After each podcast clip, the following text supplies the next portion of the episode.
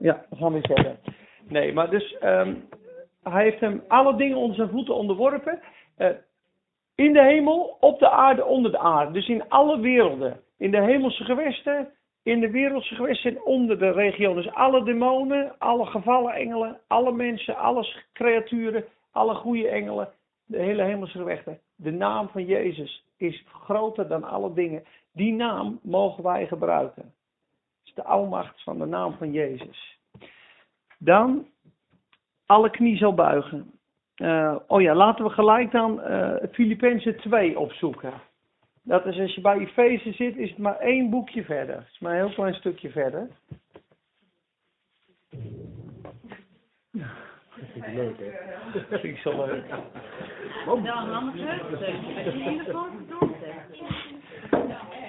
Uh, zullen we dat vers voor vers lezen? En dan moet ik eigenlijk alleen even de vingers zien wie er een herziende statenvertaling heeft. Oké, dus dan doen we 1, vers 2, vers 3, vers 4, vers 5 en dan nog uh, jij daarna. Filippenzen 2 en dan vers 5 beginnen. Tot uh, vers 11.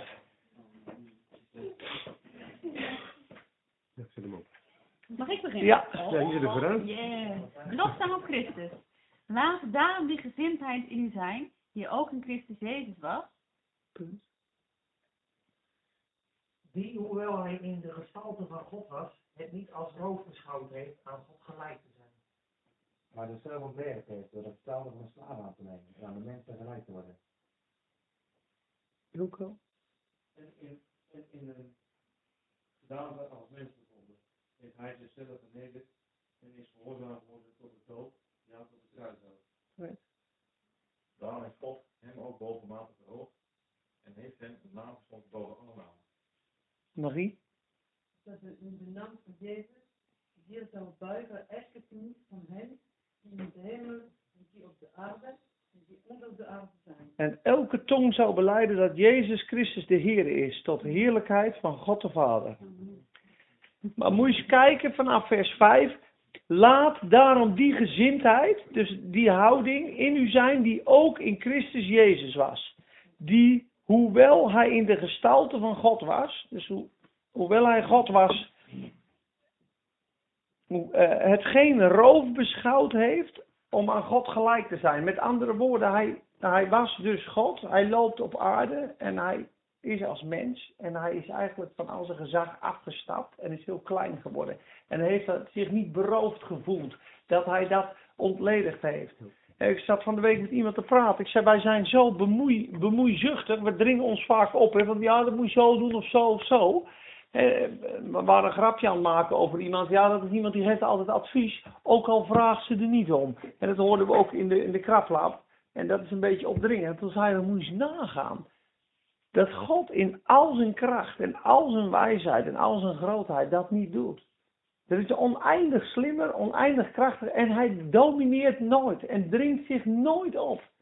Zo nederig. Wij zeggen met onze kinderen, moet zo, het moet zo. Maar hij is oneindig, oneindig groter en hij doet het niet. Dat is ontzettend bijzonder. En dat, dat is dus stap 1. Hij, is, hij, hij vond het geen roof dat hij niet in de gestalte van God was op aarde. Maar hij heeft zichzelf ontledigd. Twee. Door de gestalte van een slaaf aan te nemen en aan de mensen gelijk te worden. In het Engels staat er: He made himself of no reputation. Geen reputatie. Nou, daar zijn we allemaal een beetje mee bezig. Van nature. Moeten we echt van verlost worden. En in de gedaante als een mens bevonden heeft hij zichzelf vernederd. Drie. Is gehoorzaam geworden. Vier. Tot de dood. Vijf. Ja, tot de kruisdood. Zes. Er is nog een stap bij. En er staat, omdat hij zich zo vernederd heeft, daarom heeft God hem ook bovenmate verhoogd. En heeft hem een naam geschonken, geschonken, die had hij dus niet.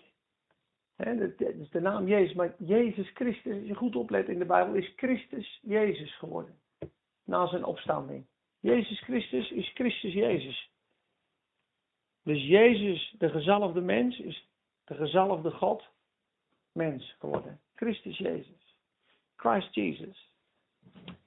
En hij is zelfs, ehm, als mens is hij gestorven. En hij heeft zijn bloed uitgestort. Hij is gestorven, hij is opgewekt, hij is herschapen. En er staat in Hebreeën, heden heb ik u gegenereerd. Heden zijt gij mijn zoon. Zeg God, omdat Jezus stierf en uit de dood is opgewekt, heeft God hem op een bepaalde manier herschapen. Hij was zonde. Hij was dood. Maar nu is hij levend en zonder zonde. Waar is de dood en de zonde? God heeft een heel groot wonder gedaan. Staat in, in 1 Petrus 3 vers 18 staat, He died in the spirit. En quickened in the spirit and died in. Moet je eens kijken. Dat Jezus is dus werkelijk gestorven. En daarna is hij opgewekt. Door de heerlijkheid van de Vader. En wij met hem. Dus God heeft een groot wonder gedaan. En de Jezus voor de opstanding en na de opstanding is een rijkere en krachtigere Jezus dan daarvoor. Dat snappen we niet, hè? Maar dat, gaat, dat, is, dat is toch wel waar. De zeven geesten die voor zijn troon zijn, heeft hij verkregen. Hier staat, hij heeft een naam verkregen. Doordat hij door dat proces gegaan is. Doordat hij zich zo vernederd heeft, heeft God hem bovenmate verhoogd en een naam boven alle naam gegeven. Dus, wil je verhoogd worden, dan lees je in Petrus, vernedert u dan onder de machtige hand van God.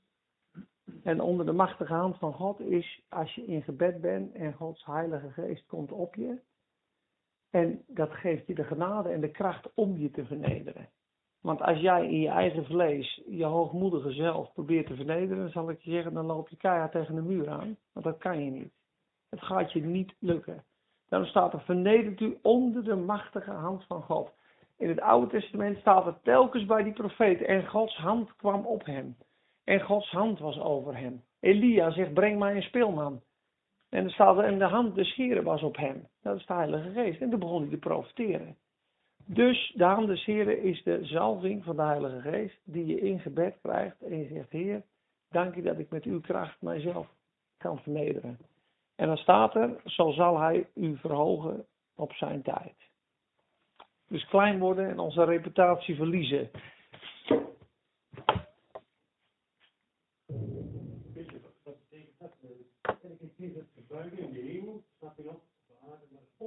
Je. Ja, en iedere tong zal. Ja, ook zijn vijanden zullen uiteindelijk erkennen dat hij Heer is en zullen hem beleiden, ook als hij is verloren. De, ja, de Satan, de demonen, iedereen zal beleiden dat Jezus Heer is. Ja.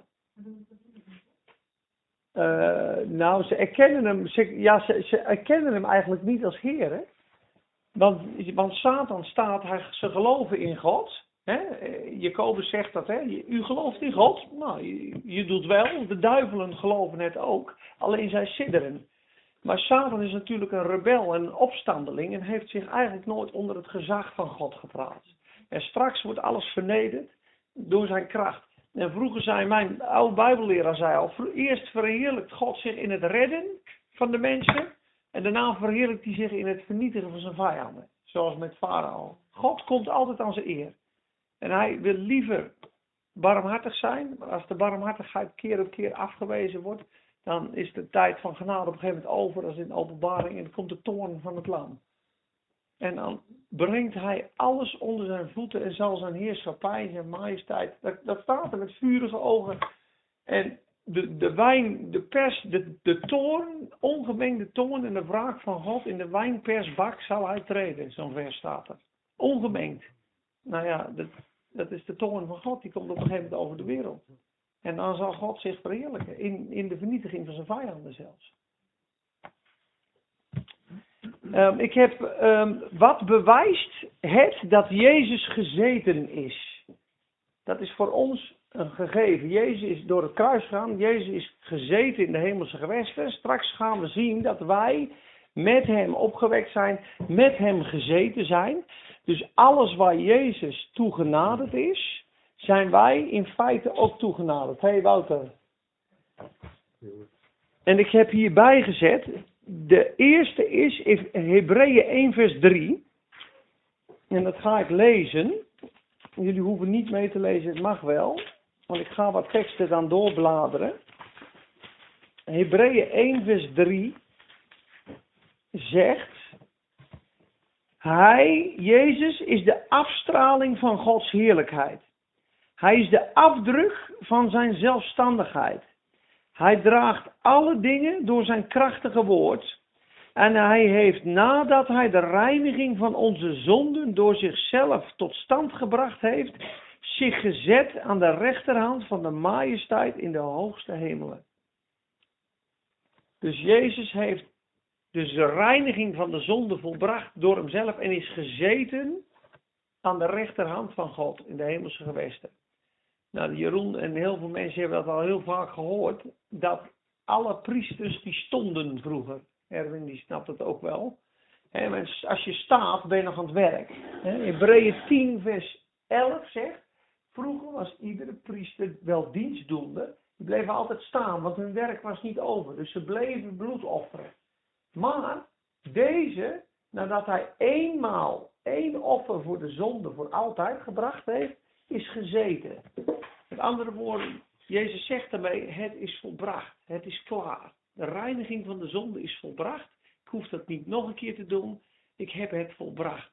Het feit dat Jezus welkom was in de hemel, is ook een feit dat zijn werk volbracht was. God heeft hem naar de aarde gestuurd met een doel. Als hij aankwam en het werk was niet af, had God hem teruggestuurd, zeggen ze. Nou, wat kom je nou doen? De reiniging van de zonde is niet volbracht. De eis van de rechtvaardig oordeel over de straf van de zonde is, is, is niet, is niet geregeld. Wat, wat kom je doen? Nee, het was absoluut volbracht.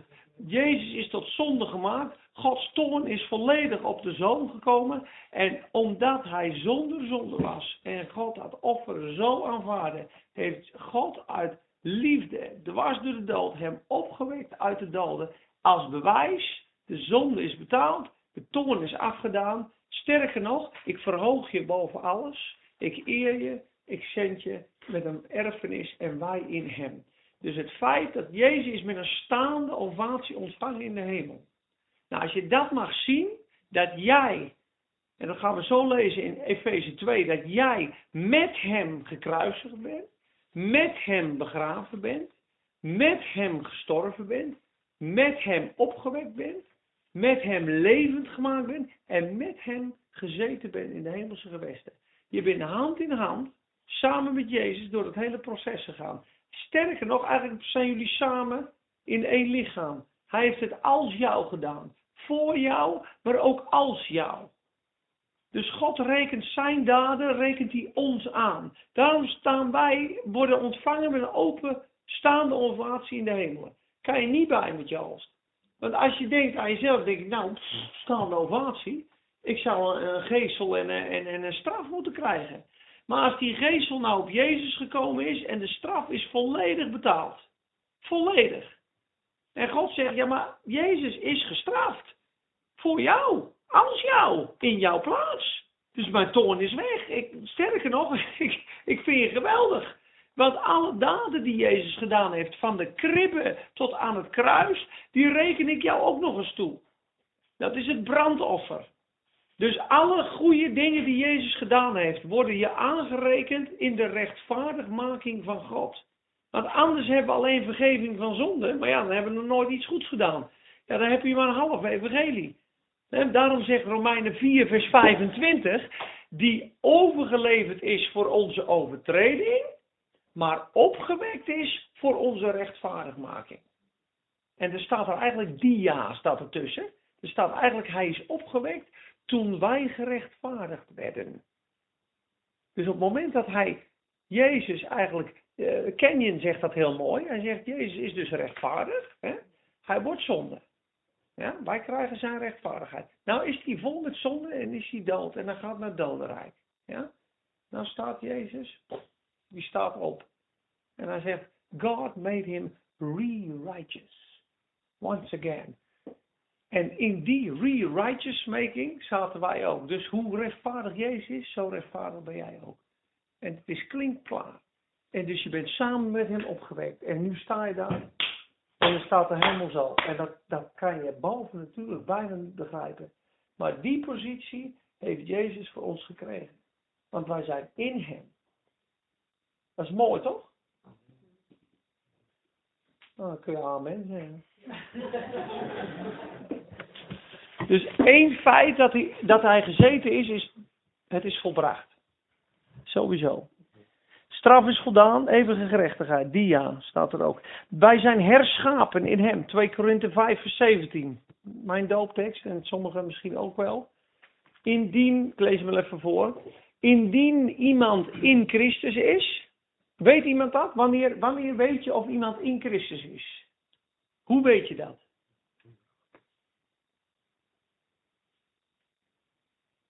Staat in Romeinen. Ja, sowieso. Maar hoe, wat is het bewijs dat iemand in Christus is? Ja, indien iemand in Christus is, is die een nieuw schepsel. Maar hoe weet je dat?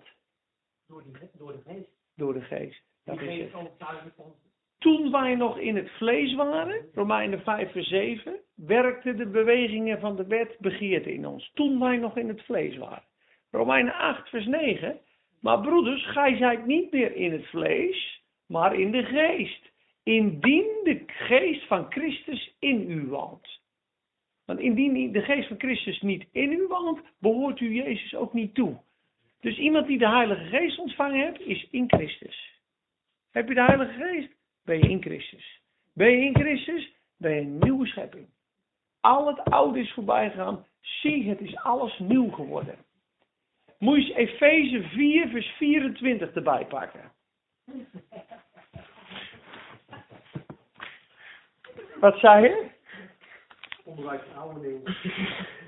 Ja, maar zeg maar gewoon hardop hoor, want eh, steek ik er ook nog wat van op. Wat zei je? Nee, nee, je hebt het ook altijd goed, onderwijs van oude nieuw. Oh, mooi, mooi.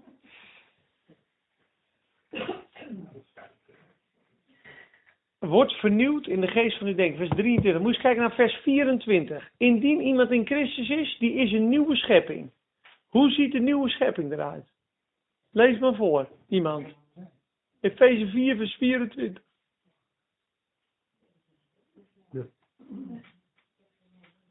En u bekleedt met de nieuwe mens die overeenkomstig het beeld van God geschapen is. In ware gerechte, rechtvaardigheid en heiligheid. Ja. Dus de nieuwe mens is geschapen naar het beeld van God in ware gerechtigheid en heiligheid.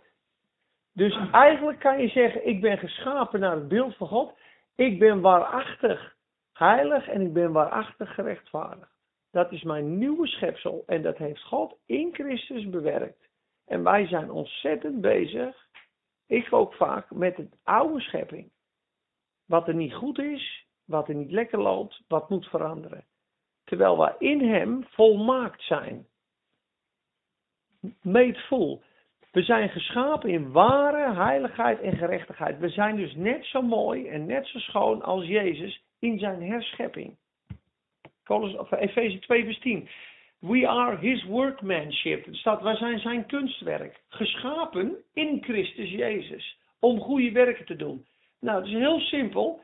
In Christus Jezus is geen zonde, is geen duisternis en is geen ongerechtigheid. Dat zegt Johannes, in Christ. Nou, als wij in Christus zijn, nou, dan moet onze duisternis, onze zonde en ongerechtigheid moet weg zijn. Anders kan je niet in Christus zijn, want hij is volledig transparant licht.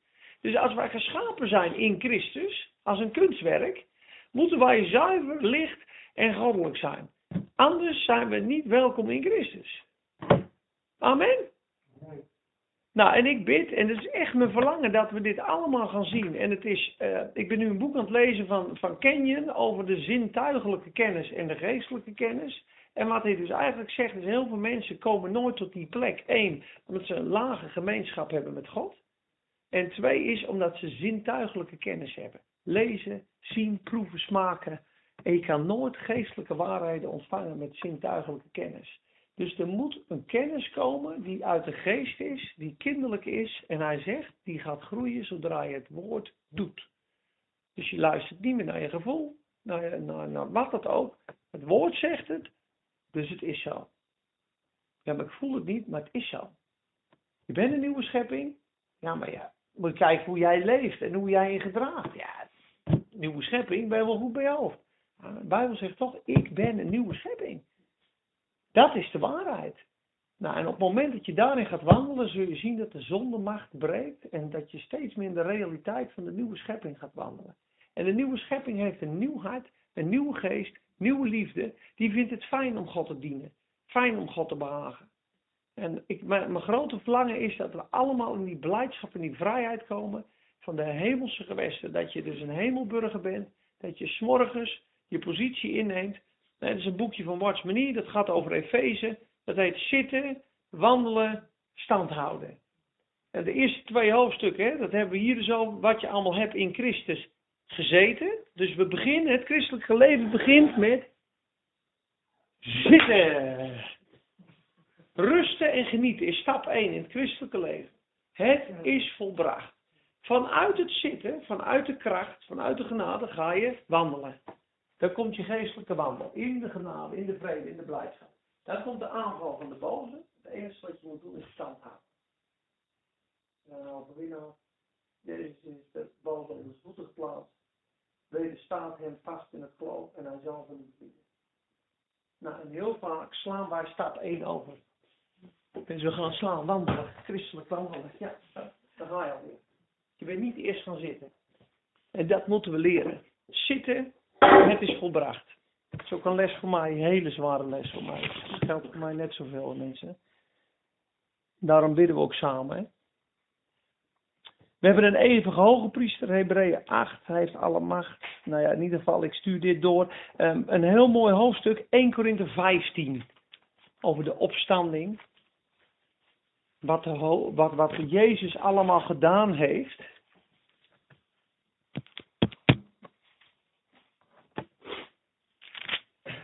En als de opstanding dus niet had plaatsgevonden, dan zegt Paulus hier, we kunnen dus kijken hoe essentieel de opstanding is, dan zou het hele evangelie, alle prediking, alles zou zinloos zijn, dan zouden we, dan zouden we er vandaag mee stoppen, zegt hij. En ik begin dan in vers 12, want hij werd ervan beschuldigd, of werd ervan beschuldigd in de Korinthe, waren paar valse leren. Sommigen zeiden Paulus is geen apostel, en anderen waren net als de Sadduceeën, die zeiden ja, er is geen opstanding der doden. Dus Christus is ook niet opgewekt. Nou, dan zegt Paulus, als nu van Christus gepredikt wordt dat hij uit de doden is opgewekt, hoe kunnen sommigen onder u dan zeggen dat er geen opstanding van de doden is? En als er geen opstanding van de doden is, dan is Christus ook niet opgewekt. Maar dan komt hij. En als Christus niet is opgewekt, is onze prediking zonder inhoud. Dus wat is de inhoud van prediking? De opstanding van Christus. Waar hij alles herschapen heeft. Waar hij alles onderworpen heeft. Waar hij alles doorbroken heeft. Waar hij gezeten is in de hemelse gewesten. Ver boven alle macht. Ver boven alle kracht. Ver boven alle heerschappij. Naam boven alle naam. Alle dingen hem onderworpen. Wij in hem. Alles klaar. Als dat er niet is, is de prediking ijdel. Dus de prediking is essentieel. Zonder inhoud is ook uw geloof. Waar is je geloof op gebaseerd? Op de opstandingskracht van Jezus. Die je met je hart gelooft dat Jezus uit de doden is opgewekt, zult gij behouden worden. En dan blijken wij ook valse getuigen te zijn. Want we hebben namelijk van God getuigd dat hij Christus heeft opgewekt. Terwijl hij die niet heeft opgewekt. Want ja, jullie zeggen dat de doden niet opgewekt worden. Want als de doden niet opgewekt worden, is Christus ook niet opgewekt. En als Christus niet is opgewekt, is uw geloof zinloos, dan bent u nog in uw zonde. Verlossing van zonde is in de opstanding. Dan zijn, moet, moet deze zien, dan zijn zij ook die in Christus ontslapen zijn, verloren. Dat is een heftige tekst. De mensen die in Christus ontslapen zijn, dat zijn dus heiligen, die, zitten dan, die zouden dan verloren zijn in de hel, als Jezus niet is opgestaan. Dat betekent dat de verlossing gebaseerd is op de opstanding. Als Jezus niet is opgestaan, zijn, is Abraham en alle gelovigen in Christus die gestorven zijn, zijn verloren. Dus zijn opstanding is het bewijs van onze redding. En hoe vaak staat hij op? Eens en voor altijd. Klaar. Nou, dan heb ik een heel mooi plaatje. Dat, is, uh, dat vond ik. Kijk, mooi hè. Ik heb er een tekst bij gezet. Allen die tot hem toevlucht nemen, worden niet schuldig verklaard. Kwam ik tegen vanmiddag. Efeze 2. Nog tien minuten en dan eh, gaan we lekker een bakje doen en dan gaan we daarna eh, in groepjes bidden en eh, ja, danken. Het is dankdag. Bidden voor Spakenburg, danken. En de dingen die je nu hoort, dan kunnen we bijvoorbeeld over elkaar uitbidden. Of eh, wat dan ook. En probeer gewoon eh, eh, ja, open te zijn hoe je je voelt, waar je staat. Daar heb je heel veel aan om dat gewoon samen uit te bidden. Nou, let op. We gaan beginnen in vers 5. Efeze 2, vers 5. Want je zou zeggen, nou ja, Jezus heeft dit allemaal gedaan, dat geloof ik. En dat Jezus overal overwonnen heeft, dat begrijp ik allemaal. Maar wat heeft dat met mij te maken? En dan zegt hij, begin in vers 4.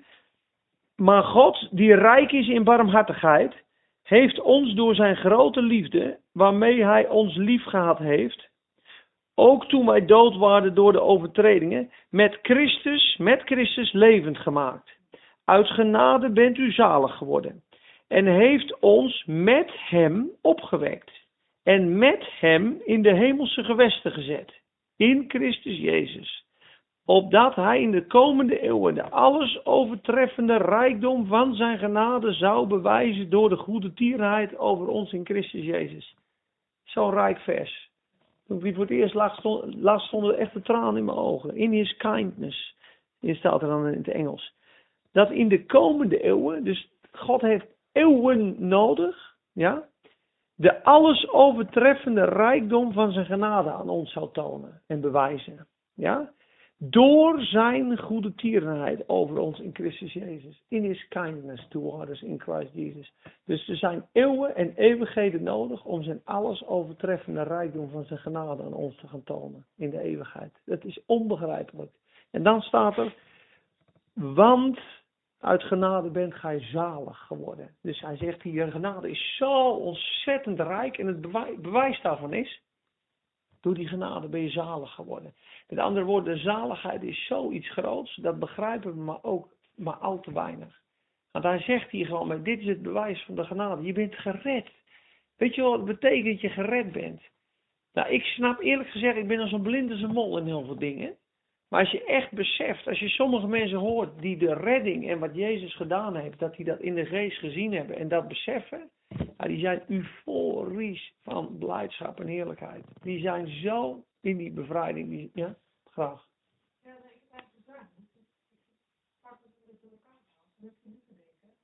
Jezus is opgestaan.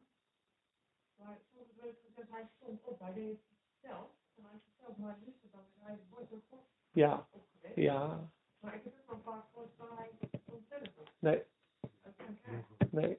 Nee, God heeft hem opgewekt. Absoluut. Ja. Ja, want er staat ook in Romeinen 8. Want in- indien de geest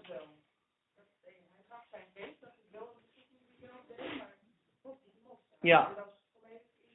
Ja, er staat Romeinen 8, indien de geest van hem die Christus uit de doden opwekte in ons woont. Hè? Dus God heeft hem opgewekt. In that he raised him from the dead. De handelingen 17, 31 staat het ook. En de handelingen 3, 26. God, God heeft hem opgewekt. Ja, en handelingen 13 moet je maar eens lezen. Nou, pak maar eens handelingen van de week als je thuis bent. En dan moet je de, de prediking van de apostelen, moet je lezen en dan moet je onderstrepen hoe vaak er opstanding staat. Wat hun boodschap is. Handelingen 13 preekt Paulus, die preekt echt de opstanding. De opstanding, hij heeft hem opge, eh, opstanding. Petrus op Pinksterdag, zijn, zijn vlees zag geen corruptie, want God heeft hem opgewekt. Hij zag dit. Hij, weet je, dat is echt de boodschap van de apostelen, is de opstanding van Christus. Daarom waren ze ook getuigen van zijn opstanding, omdat ze hem levend gezien hadden daarna. Dat is, eh, dat is erg bijzonder. Ehm, hij heeft ons met hem opgewekt en in de hemelse gewesten gezet in Christus Jezus. En dan kan je er weer achter zetten. Ver boven alle macht en kracht en heerschappij. Iemand zei, weet je, Jezus is ver boven alle macht en kracht en heerschappij. Ik ben in Christus. Al zou ik zijn kleine teentje zijn. Dan zit ik nog op de plaats ver boven alle macht en kracht en heerschappij. En vroeger je Benny Hinn die preken, die zei pak maar een pen en zet maar op je schoen. Satan is under my feet. Moest iedereen erop schrijven. Ja. Satan is under my feet. Dat is de positie.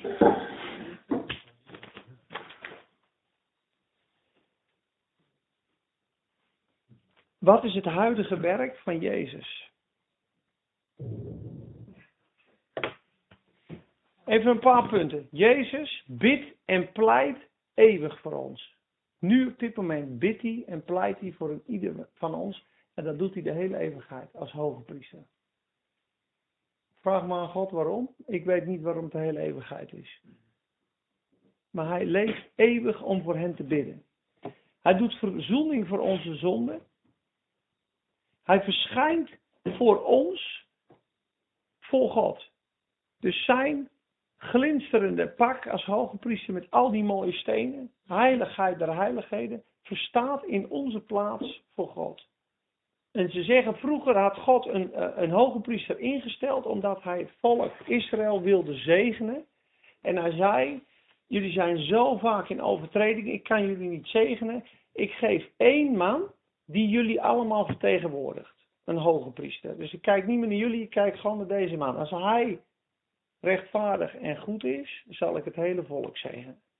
En dan ging hij eens per jaar in de heilige der heiligen met zijn belletjes en een touw om zijn voet. Had hij gezondigd, viel hij dood neer in de tegenwoordigheid Gods en trokken ze met een touw uit het heilige der heiligen.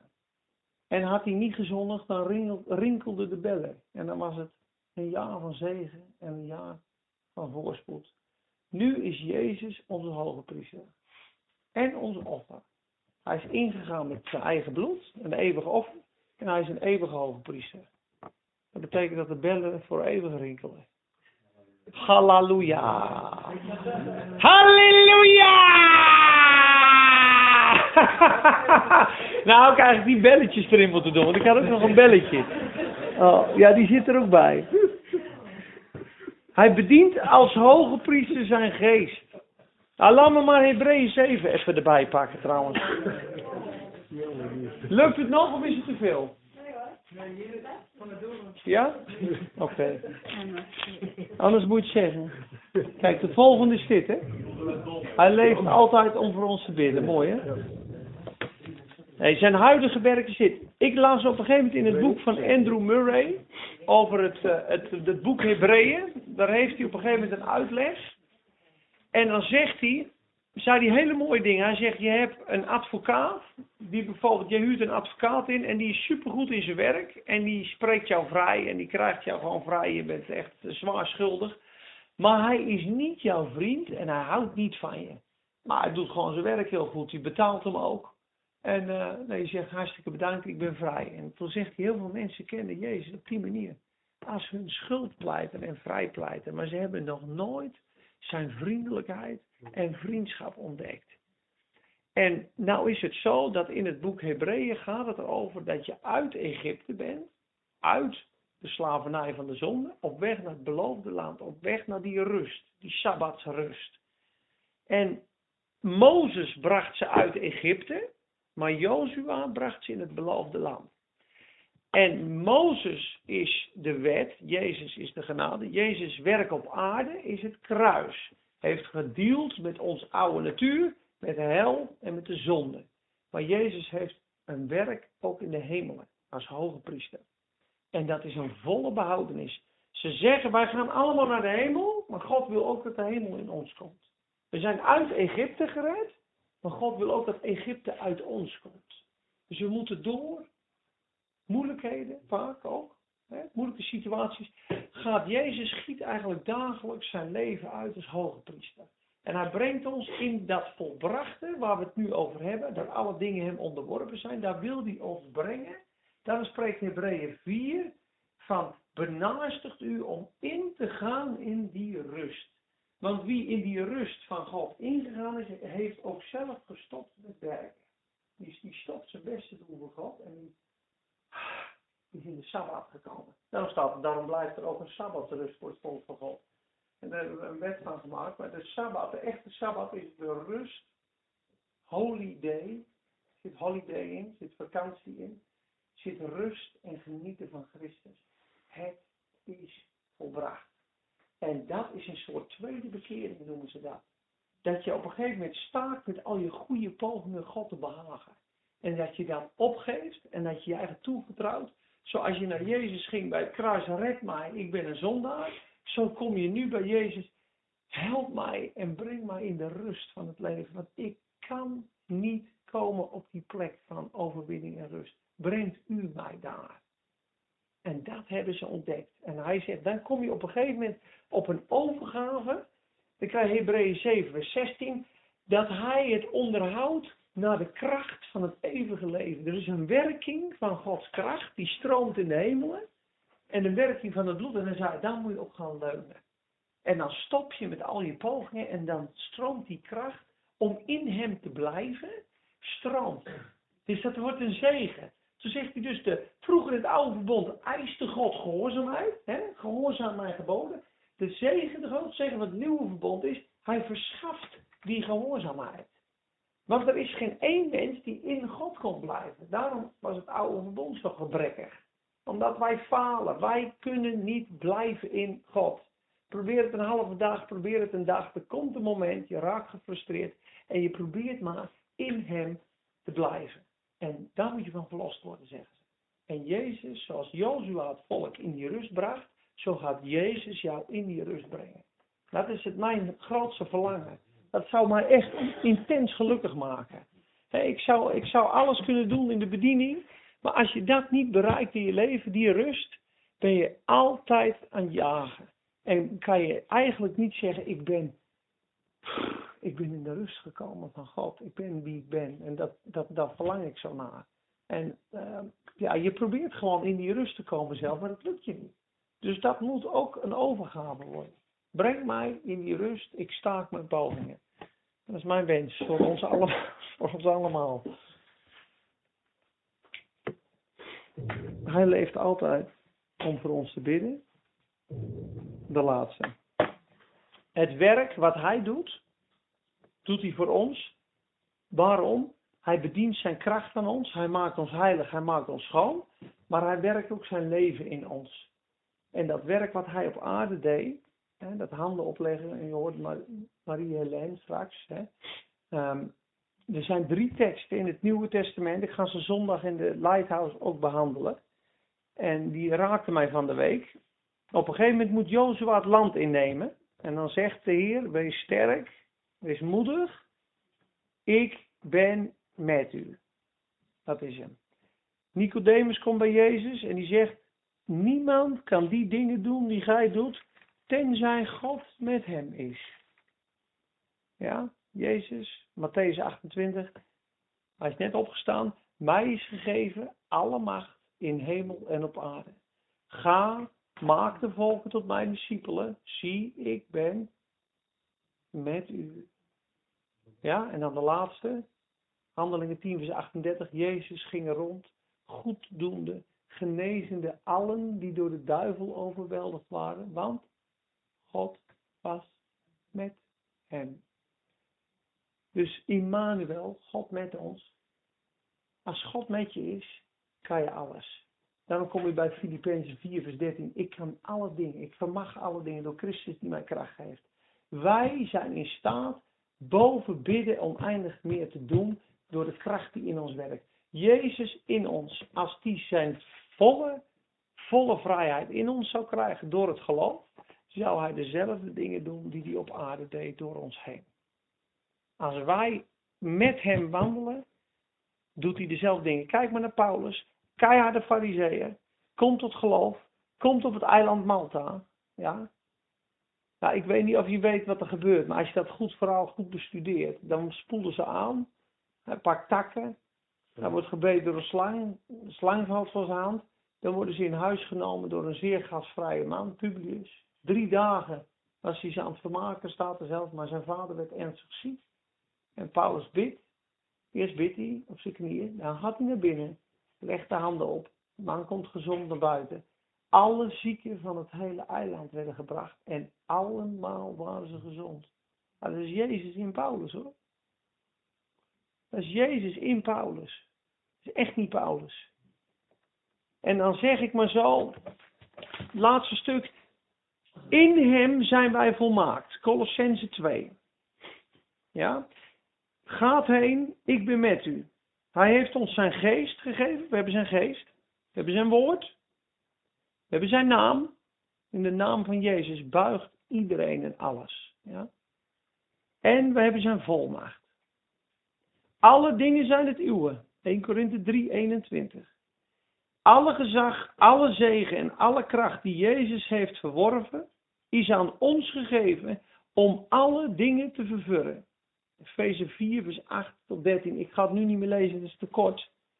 Maar daar staat dus dat God de gevangenis gevangen genomen heeft, gaven aan mensen gegeven heeft, en dat hij opgewekt is en nedergezeten in de hemel, opdat hij alle dingen vervullen zou. En hij heeft gegeven apostelen, profeten, herders, tot het werk van de bediening, tot het opbouwen van het lichaam van Christus, tot de volheid van de wasdom van Christus. Dus God heeft dat allemaal gegeven. Dan staat er dus, ehm, het ontbreekt ons aan geen enkele gave, 1 Korinthe 1 vers 4 tot 6. Ik kan deze PowerPoint, die mail ik gewoon, dus kun je mooi nalezen. Niet ons gevoel, niet ons denken, niet wat anderen zeggen. Het woord doen is de sleutel. De wil van God doen is de sleutel om in te gaan in de rust. Dit is absoluut een strijd die op onze knieën gestreden moet worden. Mijn gebed is dat we deze overgave aan God allemaal zullen verkrijgen. Door geloof en liefde in de kracht van de Heilige Geest. Gethsemane was echt geen makkelijk iets. Het sterven en loslaten is een crisis en een kruis. Dat is beangstigend. Maar alleen dat brengt de heerlijkheid en de vrijheid en de opstandingskracht waar we naar verlangen. Alle dingen zijn mij mogelijk door Christus die mij kracht geeft. Filippenzen 4:13. Laten we het over elkaar uitbidden en God vertrouwen. Tot hier en niet verder.